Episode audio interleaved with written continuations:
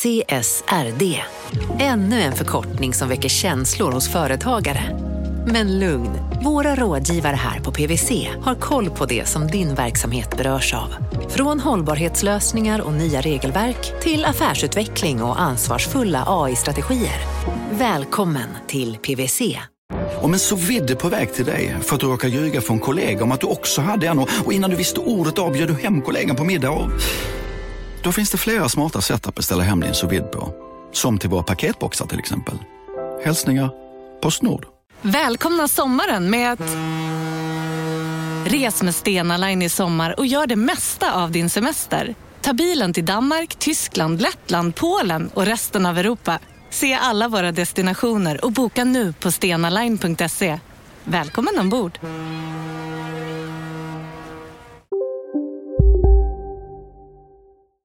Från Monopol Media, det här är Kapitalet Sommar. Jag heter Gunnar Harrius. Jag heter Rosa Secker. Jag heter Jakob Bursén.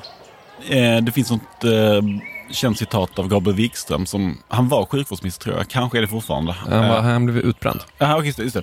Men, men då, då, fick han frågan om Sverige kunde lära sig någonting av Portugals narkotikapolitik. Och då svarade han, jag tror alltid att man kan lära sig något, men det är ingenting som påverkar vår politik.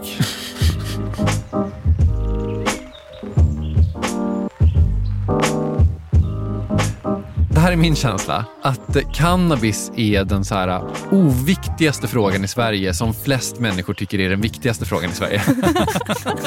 Garanterat. Ja. Det, vad blir det? Det blir ett vändiagram som aldrig möts. Ja, verkligen. Liksom. Alltså, ja. Det är så sjukt många gånger man har stått på någon så trött efterfest och så har man hamnat med någon kille, eller tjej, kille som pratat om hur sjukt det är att cannabis liksom inte är lagligt och bara så här haft, liksom, du vet, bara är en vandrande Flashback-lexikon eller någonting. Jag känner ingenting för den här frågan kan jag säga. Hamnar jag i en sån diskussion på en efterfest, vilket jag aldrig gör för jag går inte på efterfester för jag somnar. Mm. Eh, så, så backar jag långsamt bakåt och byter konversationspartner. Ja, det är för att du har hamnat med fel sån person som pratar om cannabis-kille. Det finns en annan typ av kille, eller åtminstone en annan kille och det är Johan Anderberg. Eh, han är eh, kulturjournalist och ekonomijournalist skulle jag säga också. Eh, skrivit för Fokus massa år, Affärsvärlden, Expressen, Sydsvenskan. Han har skrivit för olika tidningar. Kan vi, och han har också skrivit en bok eh, som heter Cannabisness som är liksom han bestämde sig för att ta ett riktigt grepp på den här frågan. Att liksom röra sig bortom Flashback, lexikon, efterfest, tugg, liksom trötthetsköret. Utan så här, vad, vad, är det som gäller här egentligen? Vilka krafter är det som försöker få cannabis eh, legaliserat? Vilka krafter är det som verkligen inte vill ha det legaliserat? Vad finns det för ekonomiska incitament? Vad finns det för medicinska grunder för den här frågan? Allt finns i den här boken. För Johan Anderberg så började den här historien 2011 i Kalifornien i vad man då trodde var liksom ödesvalens ödesval eh, efter det här.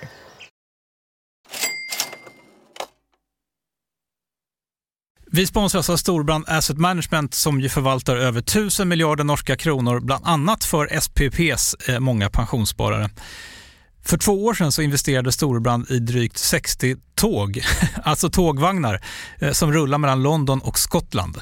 De leasar sedan de här tågvagnarna till tågoperatören som alltså kör tågen och säljer biljetter och sånt eh, med ett avtal på 27 år. Så britterna får nya fina tåg och Storbrands kunder, eh, däribland alltså SPPs pensionssparare, får en inflationsskyddad avkastning med låga risker under lång tid. Det här är ett av supermånga exempel på hur pensionskapitalet i växande omfattning bidrar till att bygga samhället och inte minst till att klara klimatmålen. Det behövs elproduktion, elnät, batteriparker, nya transportlösningar och allt möjligt. Bara i Europa antas investeringsbehovet för att klara klimatmålen uppgå till tusentals miljarder dollar. Och det här är ju pengar som ganska ofta saknas i statsbudgetarna. Däremot är det här pengar som pensionsbolagen kan vara med eh, och stoppa in, vilket ger pensionsspararna en fin avkastning under lång tid samtidigt som man är med och ställer om samhället. Vi har gjort ett helt avsnitt om det här eh, som man kan lyssna på. Det publiceras här i Kapitalet i mitten av maj. Ratta gärna in det om ni vill lära er mer om hur det här funkar. Men tack säger vi till Storbrand Asset Management som ju investerar i alla tänkbara tillgångslag, bland annat för pensionsbolaget SPP. Och tillsammans försöker ju vi, Storbrand och SPP, öka medvetenheten om hur pensionerna funkar och vilken roll pensionerna spelar i samhället och i ekonomin.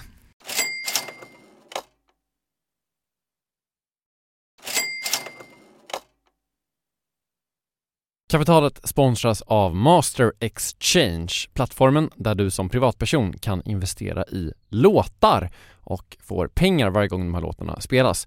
Eh, vi berättade ju senast eh, om barnlåten Puff the Magic Dragon som noterades av Master Exchange under våren. Nu har utdelningen på den låten kommit, eller royaltyn som vi säger i musikbranschen. Eh, den ligger på drygt 12% i årstakt och det här är ju en avkastning som är helt okorrelerad till eh, börsen. Till och med Goldman Sachs har börjat skriva om just musik som investering eh, just ur det här perspektivet. Nu finns en möjlighet att investera i en ny låt. Eh, låten heter Boss Bitch och den är av Doja Cat som, alltså jag ska inte säga att jag är superdeep här men det är ändå en, en, person som jag vet om det är. En, en världskändis. Den här låten gav baserad på förra årets spelningar en avkastning på drygt 13% Master Exchange har just nu en väntelista på registreringar. Det, det, går lite för bra för dem kan man säga. Men skriver ni in kapitalet som promo code så kan ni runda kön och ansöka om andelar i låten Boss Bitch ändå. Om ni investerar helt vanliga pengar, det är inget krypto eller sånt där, så vill du investera i musik och få en avkastning som är helt okorrelerad med börsen och kanske inte minst för att det är kul att äga låtar, eh, så kan man gå in på masterexchange.com och använda kapitalet som promo code så går man alltså förbi kön. Kom ihåg dock att alla investeringar är förenade med risk, men vi säger stort, stort tack till Master Exchange. Kapitalet sponsras av Karla, Jakob. Ja, bilar igen. Ja, det är eh, härligt. På Karla kan man sälja sin elbil eh, på det gissningsvis smidigaste sättet i Sverige. Eh, Karla har ju ett nästan ett komiskt högt användarbetyg på Trustpilot. Mm. 4,8 av 5, vilket jag typ aldrig hört talas om. Nej, det är väldigt, väldigt högt. Eh, man knappar in lite info om bilen på sidan, sen får man en gratis värdering och ett bud. Accepterar du budet kommer Karla och hämtar upp bilen gratis och sätter in pengarna innan de kör iväg. Inget mer än så. Rätt fantastiskt. Nej, det är faktiskt ja. helt otroligt. Och eh, det kan bli ännu mer eh, otroligt än så. Eh, för att vi har nämligen en rabattkod som ger dig 2000 kronor extra för bilen. Så om du säljer din bil så får du två lax extra. Stämmer. Bara sådär. Koden är Monopol och eh, den uppger du när du har värderat bilen och eh, pratat med Karlas inköpare. Koden är giltig till sista maj så att passa på om du går i säljartankar. Jag undrar om vi haft en kod som har gett två lax bara sådär någon gång. Nej. Det är helt otroligt. Man behöver en bil förvisso. Absolut, så det är inte, kanske inte bara sådär, men det är ändå 2000 kronor extra. Väldigt bra. Ja. Så sälj din elbil eller laddhybrid till Karla. Du får 2000 kronor extra med rabattkoden Monopol. Eh, hoppa in och kolla på karla.se Karla Museet. Där kan man också köpa bilar ska jag tillägga. Verkligen. Vi säger stort tack till Karla. Alltså det, det, det började när jag var i USA och jobbade som springer för Sydsvenskan bland annat och någon norsk ekonomitidning. Mm. Eh, och då skrev jag ganska mycket om den här gryende cannabisindustrin och eh, vad som hände. Och, och just då så var det ju väldigt annorlunda hur man snackade om cannabis i Sverige och i USA. Mm. Och jag kände på något sätt att det här höll på att ändras. Så det var kul att följa det. Vad var det du såg i USA som du liksom inte hade sett i Sverige? Ja, men dels hur mycket mer accepterat det var. Det, det har det ju förmodligen varit sen liksom, hundra år tillbaka. Men eh, det som var intressant var att det var en massa, massa tänkare och ekonomer och sådär som började ifrågasätta det här kriget mot narkotikan på ett helt nytt sätt. Eh, och att det kändes som att de hade rätt mycket medvind och att det såg ut som att vissa droger och framförallt då cannabis höll på att legaliseras i USA. Och sen blev det ju så också, men det tog kanske lite längre tid än jag trodde det skulle göra. Mm. Vad, vad liksom, tänkte du att så här, den här boken ska komma och sen om två år så, så kommer det vara legaliserat och då kommer den här boken vara liksom en, en, en ögonblickstriumf? Ja, men kanske lite. Det, det var ju en väldigt uppmärksammad folkomröstning i Kalifornien som jag följde eh, ganska detaljerat och då eh, trodde jag kanske att de skulle vinna. Mm. Men så förlorade legaliseringssidan väldigt knappt. Och sen mm. dröjde det väl, alltså det var väl fem sex år innan Colorado var först och mm. Washington.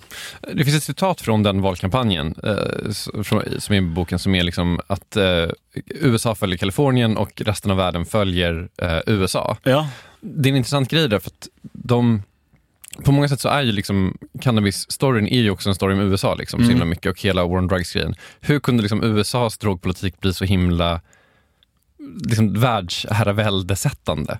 Alltså det var ju väldigt mycket slump. Alltså, om, om vi håller oss till cannabis så, så var det väldigt mycket slump att eh, cannabis blev olagligt i USA. Och eh, det hade egentligen att göra med mm, att man blev lite orolig för mexikansk invandring och att man såg cannabis som väldigt knuten till den här folkgruppen som eh, man var lite orolig för skulle ta vissa amerikaners jobb.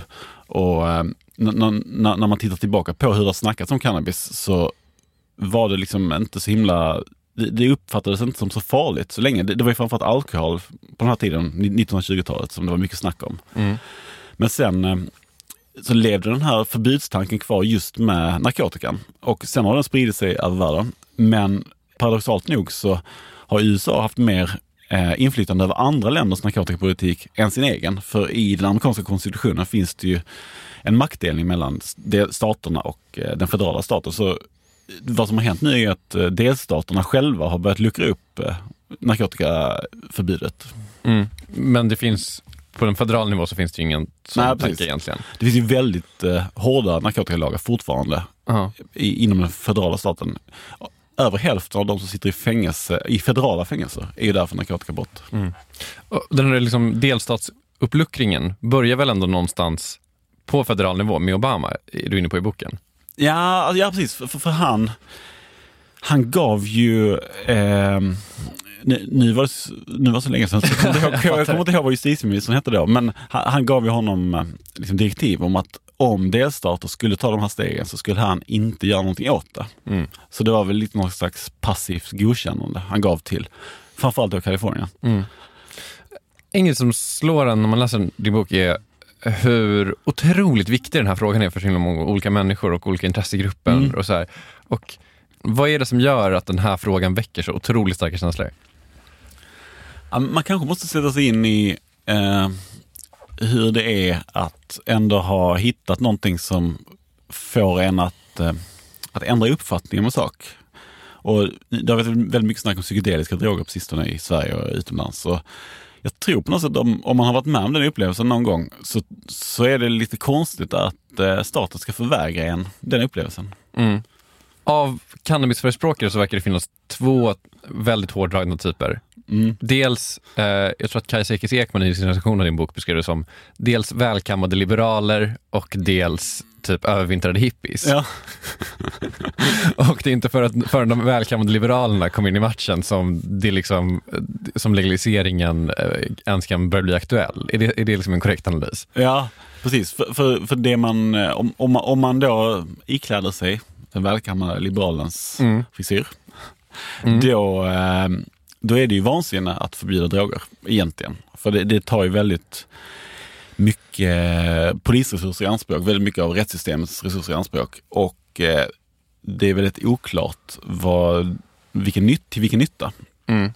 Och eh, även om man har som mål att folk inte ska ta droger, då verkar det inte heller vara så att ett totalförbud leder till det.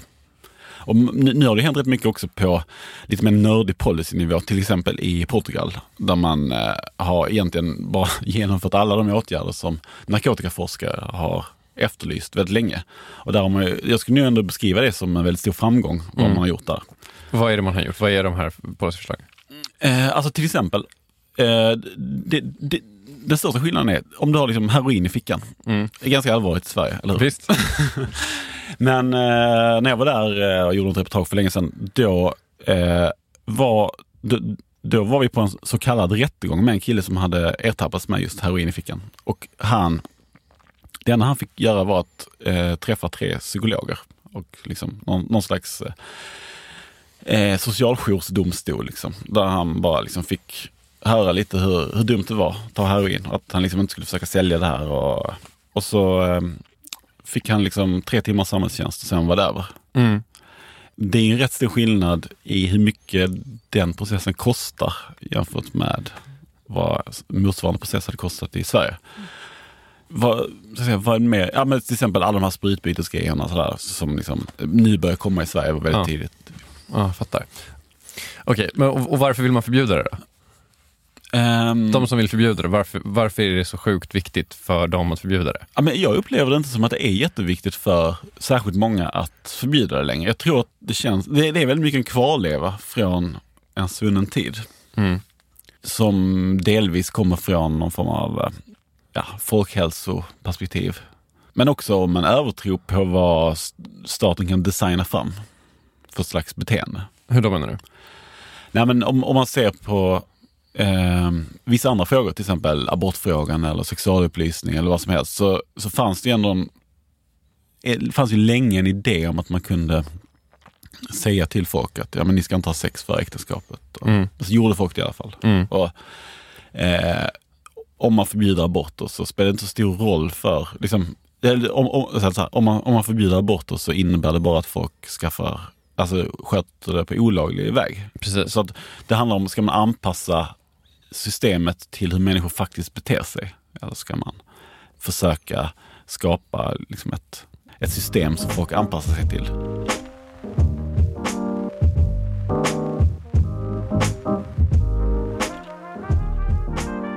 Tror det eller ej, det här är faktiskt en ekonomipodd. Ja. Eh, det finns ju ganska stora liksom, ekonomiska incitament till att eh, eh, legalisera eh, cannabisen. Mm. Vad har liksom, vad har, hur har liksom lobbyverksamheten sett ut från liksom, Finns det någon sån big cannabis liksom, motsvarande? Nej, egentligen, egentligen finns det inte det. De- som har drivit legaliseringen, det är ju mest eh, dels libertarianska organisationer som Cato Institute, eh, men också eh, organisationer som, som har mer brukarnas perspektiv. Mm. Och sen finns det vissa polisorganisationer så som tycker att det är meningslöst att deras tid läggs på, på de, de här brotten.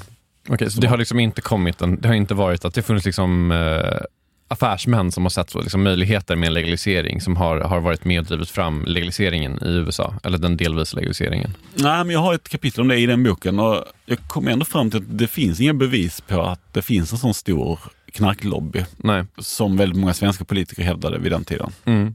Eh, men, men däremot finns det ju folk som vill tjäna pengar på den nu. Mm. Va, va, hur ser de intressena ut? Vad är det, vad är det för liksom, hur har liksom bolagiseringen av cannabis sett ut? Ja, det, den har skett väldigt mycket i Kanada framförallt. Ja. Och där finns ju ett antal börsnoterade företag som eh, var väldigt hypade för något år sedan. Mm. och som har lite tappat sin, sin glans. Men som verkar rätt duktiga på att odla där och som eh, lite oklart hur, hur den här coronakrisen kommer att drabba dem. Men eh, det, det verkar ändå som att de har fått ett ganska stort försprång gentemot resten av världen. Samtidigt är det en ganska lätt grej att göra, att odla, odla, odla cannabis. Så det är inte omöjligt att, att Monsanto sätter igång om det blir tillräckligt okej. Inträdeströsklarna är ju väldigt låga på den här marknaden. Alltså, Ja, verkligen. Hur kan man bygga ett, ett börsnoterat bolag av någonting som är så pass lätt att göra som att odla cannabis? Då? Ja, men det var, det jag var lite... Var, jag skrev lite grejer för Affärsvärlden för något år sedan om just att eh, det var väldigt underligt att de värderade så högt de här företagen eftersom det var så eh, lätt att komma in här. Och det verkade inte heller som att de hade byggt några varumärken. För jag tänker liksom Coca-Cola har ju en ganska lätt produkt att kopiera men de har ändå lyckats bygga ett varumärke får man ändå säga. Men det finns ju inga sådana motsvarigheter riktigt inom eh, eh, cannabisvärlden. Möjligtvis de medicinska produkterna då, men de är ju betydligt eh, mindre i omfattning. Tänker du att det kommer ske någon form av liksom, något stort övertagande där liksom något bolag liksom lyckas sätta det till slut? Att det finns någon som lyckas sätta ett varumärke eller sätta en ny metod eller någonting i stilen? Eller kommer det liksom fortsätta vara... Kommer det konsolideras helt enkelt? Alltså jag vet inte riktigt. Eh, det, det kanske är så att den här företeelsen att konsumera cannabis är, ändå är så pass liten.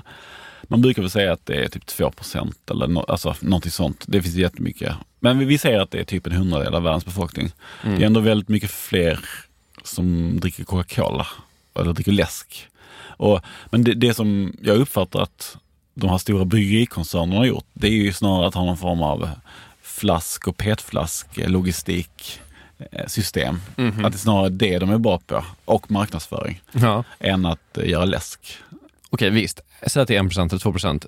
Man kan tycka att det låter lite. Det är ju ändå en sjukt stor marknad i så fall. Ju. Ja. Alltså, har, finns det några siffror på vad liksom en, den legala cannabismarknaden skulle kunna omsätta eller omsätter? Ja, men det görs några sådana undersökningar. Jag har inte riktigt det i huvudet, om jag ska vara ärlig. Nej, nej, men, men, men det är ändå liksom, det är ju inte skräpsummor. Nej. Eh, Så det borde ju finnas potential för ja, men typ Monsanto att komma in och ta över en sån här variant ju. Ja, jo men, om, men då får man nog se det som en lågmarginal business. Alltså typ som att sälja sojabönor eller något sånt. Och inte, inte någonting som eh, ska värderas till liksom techmultiplar som det har varit på, eller så- eller som det var fram till för något år sedan. Ja, för vad, vad hände för något år sedan då? Det, det var lite olika saker som hände. För det ett av företagen, som heter Cantrust, Mm. de ertappades med att ha eh, odlat eh, cannabis i icke godkända anläggningar till exempel. Mhm. Och så var det lite, lite finansieringsgrejer lite här och där. Men överlag så kändes det lite som att, det, eh, att folk började fatta att det inte skulle vara någonting. Det som jag har hört i efterhand var ju också att det, det var ju en viss typ av eh, människor som la sina pengar på de här bolagen. Mm. Alltså, och att det var väldigt mycket gamla bitcoin dudes som eh, kom till de här investeringarna. Okej. Sen vet jag inte riktigt vad de tog vägen sen. Men det, det, det var ju väldigt mycket en, eh, en klassisk bubbla, skulle jag säga. Mm. Men är inte den typen av klassiska bubblor att räkna med lite grann när, en, när liksom en, ett helt nytt marknadssegment är i sin barndom väldigt mycket? Och så, Ja, fast ändå inte riktigt. För, för om man jämför med till exempel eh, bubblor kring liksom järnvägsaktier och allt möjligt. Då, och IT-bubblan. Då fanns det ändå en underliggande teknologi som sen kommer att förändra världen. mm. Jag tror inte riktigt att eh, industriell produktion av cannabis har den potentialen att liksom förändra hur ekonomin fungerar. Alltså, när du, när du eh, ser, kollar i, liksom, i spåkulan, tänker du att den här marknaden kommer att... Eh, den le- legala marknaden, kommer den växa, tänker du? Ja, men det tror jag nog. Och kanske framförallt eh, om man lyckas skapa medicinska produkter som går att eh, skriva ut för vissa typer av till exempel smärtlindring som det ändå verkar ha viss effekt på. Mm. Det tror jag absolut. Och då finns det till exempel det här företaget Stenocare i Danmark som är noterat i Sverige som, som verkar ändå ha kommit en bit på vägen. Eh, de, de bakade också ihop lite för de hade ett avtal med de här Cantrust. Mm. Eh, så de, de fick liksom inga, inga råvaror. Ah. Men eh, så det är, ja, men uppenbarligen är branschen i sin linda när sådana grejer händer. Mm. Alltså läkemedelsspåret är ju ett annat spår du har i din Mm. bok kan man säga. Alltså, för de här sakerna går ju såklart hand i hand. Alltså det finns väl rekreationell konsumtion Ja. och medicinsk konsumtion, konsumtion väl de två stora potentiella marknaderna här. Ja. Hur har liksom kampen om att få cannabis att bli medicinskt klassad, hur har den sett ut? Alltså först var det ju bara ett svepskäl för att eh, kunna legalisera det. Alltså, till exempel i Kalifornien så legaliserades ju cannabis för medicinskt bruk redan 96. Och det, det var ju lite det som ledde fram till det här allmänna accepterandet Mm. av cannabis. Så det, det var ju på något sätt en framkomlig väg. Och det kan man ju se paralleller till när alkohol var förbjudet. Då gick det ju att få medicinsk alkohol utskrivet eh, i USA. Mm. Om man tillåter sig själv vara lite så här, eh, både alkohol och cannabis har ju på något sätt ett terapeutiskt värde för många människor. Mm. Sen, sen så är det ju inte så att läkare skriver ut det, men om, om man ska vara ärlig så får ju alkohol väldigt många människor att ha ett bättre liv. Du skriver i, i din bok att, eh, eller kanske ett citat som är att, eh, att många säger liksom att, att cannabis eh, är en eh, drog som man försöker få medicinskt klassificerat men att det är, egentligen kanske är så att det är en medicin som man har fått drogklassificerad. Ja, alltså det, det var bara ett citat. Jag vet inte riktigt om jag håller med. För jag tycker ordet medicin är lite mer specifikt. Att liksom det ska liksom rikta in sig på en viss åkomma. Mm. Alltså, det är lite som att skriva ut motion som är lite trendigt nu Mhm. bland läkare. Då gör ju läkare någonting som man själv, alltså som samhället snarare kanske skulle uppmuntra folk till. Jag är med i en sån här bastuförening och så var, kom det in ett gäng psykologer där. Mm. Och så snackade de om hur gött det var att basta. Eh, och så snackade de om någon sån här sommarstuga de varit hur, bara hur gött det var att vara där. Mm. Och så var det någonting annat de gillade. Så, bara, liksom, så, all, så då tänkte jag liksom allting de, som fick dem att må bra, och så här bastu, sommarstugan och vet inte om de höll på att jaga och sånt. Ingenting av det finns i deras verktygslåda Nej. för att få deras, sina patienter att må bra. Det är också bara eh, den allmänna, låter det som, den allmänna kuren, var lite rik. ja. ja, precis. Men det hjälper ju till viss del. Men det är väldigt billigt att vara med i den här bastun. Om man tänker på liksom den andra biten, då, den liksom ekonomiska incitamentsbiten. Finns det liksom någon, någon liksom tillstymmelse till en sån liksom, eh, kraft i Sverige? Nej, men man vet aldrig om, om det skulle bli liksom en väldigt djup ekonomisk kris så kanske, och till exempel om brottsligheten fortsätter att utvecklas i lite negativ riktning, då Mm. kanske man ändå är beredd att ompröva lite av det här. Alltså till exempel för att frigöra polisresurser till andra viktigare brott. till Mm. exempel. Det skulle kunna vara en sån grej som, för, för liksom, det var rätt länge sedan vi hade en ekonomisk kris i Sverige Mm. eh, på allvar. Och, eh, då på 90-talet hände det ganska mycket grejer med Sverige. Att man li- liberaliserade väldigt många saker som kanske hade varit tabu tidigare. Så, så man vet ju aldrig hur dynamiken ser ut med sådana här frågor. Din bok heter Cannabusiness. Mm. Är cannabis en business i någon slags liksom, betydande skala överhuvudtaget idag? Ja, men det är det ju verkligen. På något sätt påminner det kanske om eh, tomatbranschen. Att eh, det finns några företag som gör jättemycket tomater i så här, tråkiga växthus. Ja. Och så finns det ju de här eh, hobbyodlarna som gör det hemma. ja. Och så finns det de här high-end, liksom, eh, tomat, alltså Pekkas Ja. och liksom Vikens naturodlingar och sådär. ja. Eh, och att eh, det liksom finns en nisch för alla. Det låter ju som en ganska välmående marknad i så fall. Tomatbranschen är väl aldrig någon som klagar på? Ja, men, men känner du många så här tomatmiljardärer? Nej, men är det, det, är det som, behöver det vara den liksom utmärkande egenskapen för en välmående marknad? Att Ja, man ska ja, kunna är bli miljardär för det? Jo, men det är sant. Alltså, jag, jag kanske är lite för eh, eh, stöpt i det här, liksom att, att någonting måste vara så jävla stort för att det ska vara viktigt. Alltså, man har ju på något sätt bara läst böcker om Apple och Amazon och sådär. Mm. Och liksom, det är sant, det, det finns ju massor med företag som, som är viktiga ändå. För jag, jag tänker liksom om man, man alltså en eh, historia över typ 1900-talet eller någonting och utelämnande av tomater. Det skulle vara en helt föröd, alltså det skulle, bli, det, skulle bli, det skulle inte vara sant då. Nej, det är sant. Och eh, det finns en bra parallell också i hur svenskar har börjat gilla tomater väldigt sent. Och det känner jag också lite att det, det har ju eskalerat ganska mycket i Sverige. Alltså svenskar börjar gilla cannabis mer och mer. Ja. En internationell trend helt enkelt, som kommit till Sverige.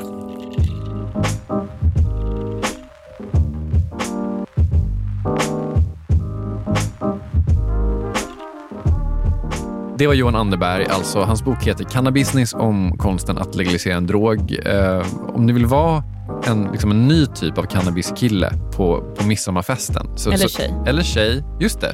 Det har man faktiskt möjlighet att vara, att vara den enda tjejen någonsin som pratar om Som den här frågan. initierar en cannabisdiskussion. Exakt. Eh, Så kan man köpa den som e-bok eh, på olika ställen man kan köpa e-böcker. Han har också skrivit en ny bok som han har Sveriges coronastrategi. Den kommer någon gång i höst, vinter. Eh, Läs den när den kommer.